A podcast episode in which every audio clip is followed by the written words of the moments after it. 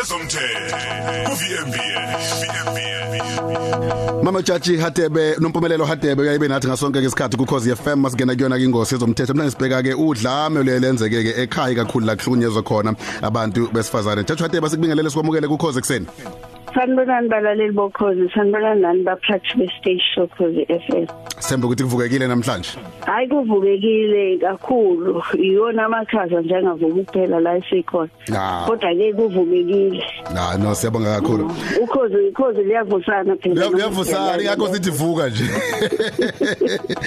Ake singena Yebo. namhlanje sibheka indaba eh, yama court order ukuthi sevwa kanjani nanokuthi uyaqinisekisa kanjani ukuthi umuntu losuke egilile uyabopheka noma ugcina ke ingalo yomthetho eh, ithathile indawo yayo Yebo ngenxa yodlame ol- oludlangile ke isikho njengoba kuyinyanga yabesifazane sizama kona ukuthi abantu besifazane sibaqwashise. Kodwa ke ngiqale nje ukuthi bangakhohlwa njalo ukuthi akhona ema help desk uma ngabe umuntu eseswele ukuthi wenze njani engakwazi uku-afforda ummeli engakwazi ukukhona indleko zommeli ukuthola nje ukuthi indlela eyaphambili ishona ngayo. Sebengaya kuma help desk e-high court emarisbak Yeah. noma e- eThekwini kofike lapho ke sebethola usizo ukuthi imuphi umgudu ofuneka bawulandele. Kodwa kwanamhlanje asike sibheke ukuthi uma ngabe uthi se- u- u- usukwazile ukuthi wenze i-affidavit ekwaziyo ukunika i-court order ngoba amanye ama-affidavit awakuniki i- i- isinqumo senkantolo ke kuthiwa asike singaphumi isinqumo asike sizwe nalo o- o- omangalelwayo owesilisa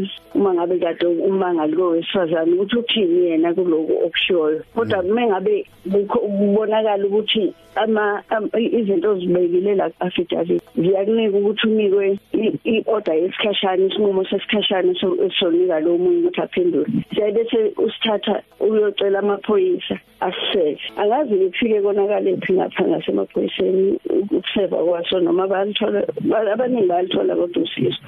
Kodwa a- awunqatshelwe ukuthi uyo- uyo- uyocela usheriff. Yeah. Isikhonzi senkantolo siyokusevela ukuthi ke isikhonzi senkantolo khona ufika ukhona kusho ukuthi uma ngabe ubona ukuthi mhlambe e-police station mhlambe awusitholanga usizo ngaleso sikhathi mhlambe kwesinye isikhathi uthola ukuthi baswela amavele azophuma ngaleso sikhathi.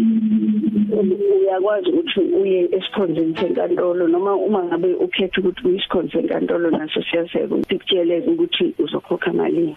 Masiseviwe-ke i-interim order. Bese liqhubeka futhi udlame. Ekhaya.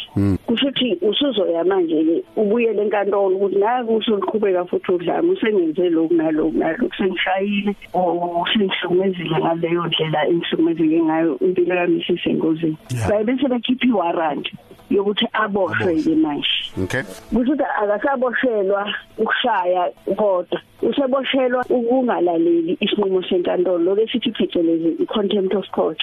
Kuya ngokuthi ke useke wayeqa kangakanani imi- imi- imiyalelo yenkantolo nokuthi udlame lolu luqine kangakanani kodwa sona isigwebo. Uyayaboshwe bese mhlambe ke angayithola ibail angangayithola ibail kuya ngokuthi udaba lihamba kanjani uma inebithi yakhe. Kodwa masalithethwa ke icala esipho uyakwazi umuntu lithethwa enkantolo lezi eh, eh, eh, esenzansi alivama ngokuthethwa e-high High court court yeah ya lithethwa kuma magistrate court icala lakhona. Eh, kuma high court lifika mhlambe njengoma appeal okay. Kanje. Enye into engifuna ukuyibheka uyagwetshwa ke okay. Sora ke nje ngiqede. Isigwebo siyafika impela nako 5 years. Uga- Ubhadla ejele. Mhlambe kuya ngokuthi isimo sakho sinjani.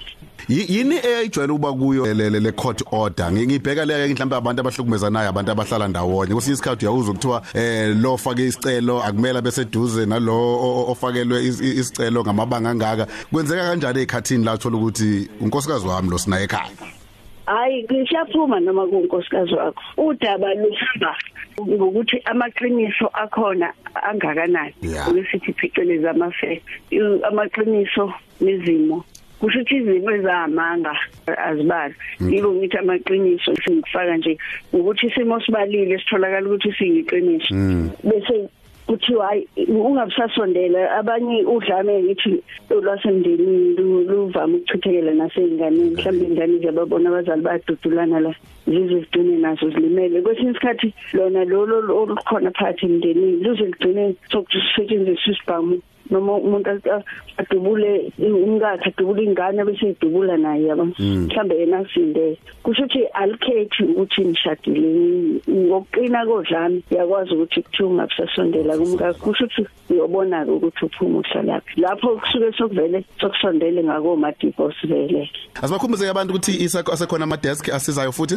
Yebo akhona e high court. Uma ngabe kwesinye isikhathi bakhona nabe legal aid baye basize nabo ubaba khona nakhona enkantolo ukulindela kona abantu ukuthi bapha abafuna usizo. Bese bebalayela umgudu bona hayi ukuthi uhelp desk ufike ngempela bakuphelezele bashiya help desk. Baye bese bekunika abameli abasohlini ohlwini lolo ababhalisela ukuthi bangabakwazi ukubasiza abantu ngaphandle kwenkokhelo. Jaji sabonga kakhulu sokhuluma nawe kanjani ngesonto elizayo.